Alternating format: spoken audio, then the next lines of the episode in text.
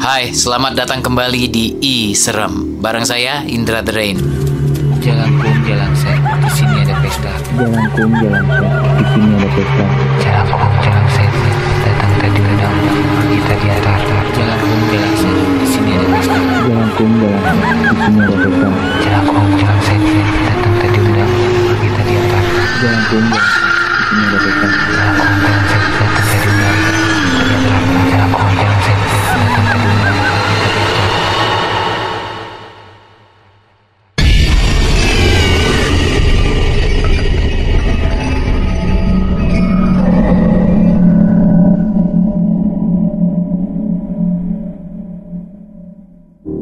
Hai, selamat datang kembali di I Serem bersama saya Indra The Rain. Sebelum kita mulai podcast hari ini, buat kamu yang punya pengalaman pribadi yang serem, yang mistis, atau apa pun yang berbau horor, boleh ceritakan ke kita lewat Instagram iRadioJakarta. Podcast I Serem kali ini masih bercerita tentang pengalaman seorang wanita bernama Tina yang memiliki pengalaman mistis dengan rumah bernomor 13. Minggu lalu sudah ada cerita bagian 2, sekarang kita akan lanjutkan ke bagian 3. Sebetulnya siapa sih sosok wanita di rumah nomor 13 itu? Cerita ini diambil dari genpi.co dan ini dia. Cerita horor wanita penunggu rumah nomor 13 bagian 3. Jadi begini, yang tinggal di situ namanya Bu Tantri. Sudah lama beliau mengidap kurang waras. Dulu mereka orang pertama yang menghuni perumahan ini. Paling tidak orang pertama di RT ini, baru saya. Dulu nggak gini keadaannya, baik-baik aja. Saya sempat ngobrol sama suaminya sekitar tiga tahun lalu, sampai suaminya dan anak-anaknya pergi meninggalkan Bu Tantri. Dia di sana seorang diri. Memang gitu, kalau ada tetangga yang datang, dia nggak mau keluar. Paling mengintip doang dari balik tirai, jelas Pak RT. Kalau mau bangun rumah ya bangun saja, tidak apa-apa. Yang penting niat kita baik. Semoga Bu Tantri tidak keberatan. Selama ini nggak ada yang aneh-aneh sih ya laporannya. Paling ya hanya Bu Tantri nangis saja atau suara-suara kayak pukulan ke dinding. Nggak masalah. Kalau ada apa-apa mending ibu lapor lagi saja ya. Ibuku tersenyum karena sudah dapat jawaban. Aku pun lega. Oh, orang gila toh, pikirku. Kami pun pulang. Ayah dan ibu memulai proses pembangunannya. Dikarenakan keluarga kami setengah kejauhan, ayah dan ibu tak lupa menaruh sesaji agar pembangunan berjalan lancar. Bukan sesaji aneh-aneh pakai ayam cemani segala, hanya bubur merah dan putih. Hio dengan sejumlah ganjil, bunga-bunga diutamakan melati dan kenanga yang ditaruh dalam bejana air mawar. Itu saja. Cukup lama juga, sebulan proses pembangunan sampai jadi. Lancar dan hasilnya sungguh kece. Semi bangunan beratap jadi nggak kehujanan. Teralis menutup di bagian belakang dan arah selatan. Kira-kira begitulah. Nah, di bawah teralis dekat mesin cuci adalah rumah nomor 13. Dan di bawah teralis dekat saluran air adalah rumah nomor 19, samping rumahku. Aku bisa melihat atap rumah mereka. Dan rumah nomor 13, satu atapnya hilang. Memungkinkan aku melihat isi rumahnya dari atas. Tapi nggak juga ternyata, karena ketutup plafon. Duh, penasaran. Tanpa berbasa-basi lagi, aku yang kebagian tugas nyuci semangat banget mencoba area cuci jemur. Biasanya aku mencuci di malam hari sambil kuselingi dengan belajar. Padahal ibu menganjurkan untuk mencuci seminggu sekali saja. Yang penting pakai digosok manual pas hari libur. Duh, males. Ini rela aku lakukan biar hari liburku bisa main seharian. Gak tahu kenapa, mungkin kebetulan atau menyebalkan. Mencuci perdana itu di hari Kamis dan sudah mendekati maghrib. Awalnya aku nggak nge apa pun. Mulailah ritual mencuci, rendam, kasih sabun, putar, terus tinggal baca buku. Lama kelamaan, Aku mencium bau darah yang pekat di tempat cuci. Baunya sungguh anyir. Sampai-sampai aku pusing. Makin mendekat ke mesin cuci, baunya makin kuat. Ah, aku melihat anjing tiga besar mati di atas atap rumah nomor 13. Dari tempat balai-balai bangkai anjing itu nggak kelihatan karena digantung di bagian bawah teralis. Ini apa ya Tuhan? Aku ngacir menuruni tangga, teriak memanggil ibuku. Ibu dari dalam kamar habis sholat maghrib ikutan panik.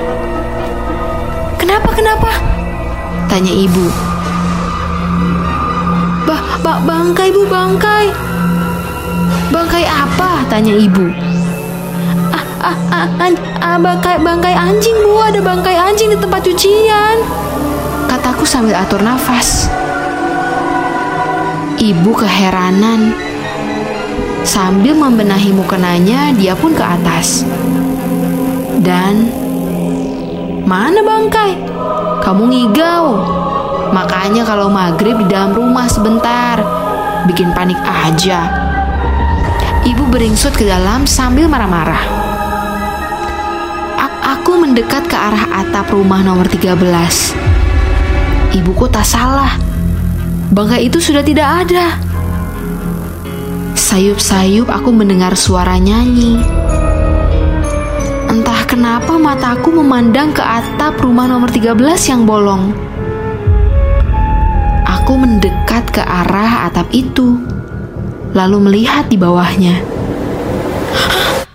Udah nggak ada plafonnya. Aku samar melihat bagian rumah tersebut karena cuma diterangi cahaya beberapa lilin. Dan aku melihat wanita itu. Rambutnya pendek, sedikit acak-acakan. Dia seperti menggendong sesuatu. Di lantainya seperti ada bercak-bercak sesuatu. Apa itu ya? Ah, aku buru-buru ngacir lagi ke bawah. Ah, ibu, besok aja aku kerjakan cuciannya. Ujarku ketus. Lah, kan sudah direndam, kata ibu. Besok bu, kalau ku bilang besok ya besok. Nadaku meninggi. Ibu diam. Orang tuaku mengerti. Kalau aku sudah marah, pasti memang ada alasan yang kuat. Aku langsung cuci kaki, masuk kamar dan merebah. Aku mengingat wajah wanita itu. Putih pucat, lingkaran matanya hitam, seperti tak tidur berhari-hari. Bibirnya celemongan lipstik atau darah aku tak tahu. Yang jelas berwarna merah. Hah, dasar orang gila, mati saja kau. Aku misu-misu dari dalam hati sampai ketiduran.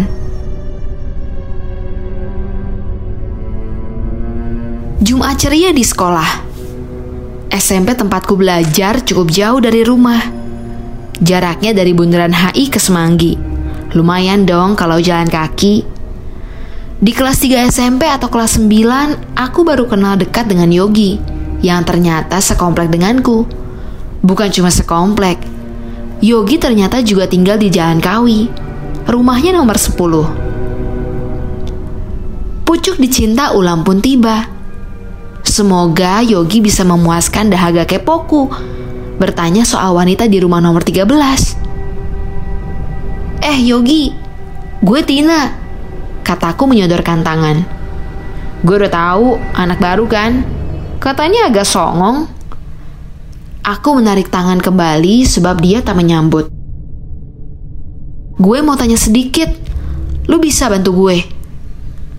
Soal ibu-ibu di rumah nomor 13, tanyaku. Yogi menatapku. Aku melihat kekhawatiran di wajahnya. Emang kenapa mau tahu? Tanya Yogi. Aku pun menjawab. Ya gue ngerasa aneh aja. Masa tetangga sendiri gue gak kenal? Udah setahun gue di sana.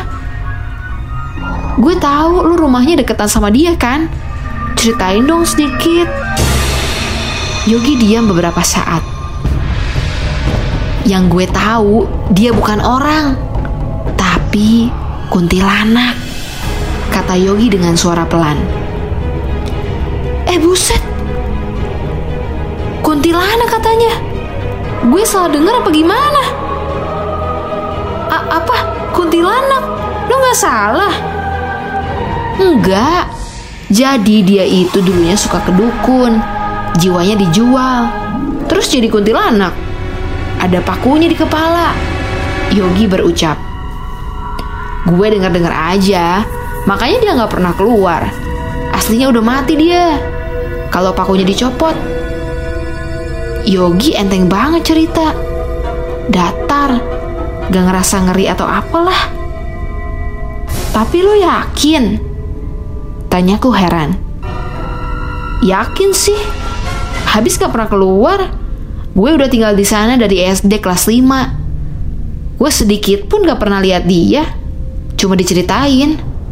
Dulu keluarganya bahagia. Ada suami, anak, terus pada ninggalin dia semua. Katanya gara-gara ilmu hitam tadi. Itu aja yang gue tahu. Jelas Yogi.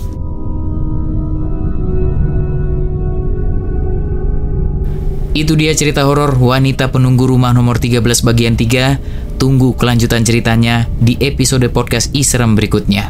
Saya Indra The Rain, undur diri.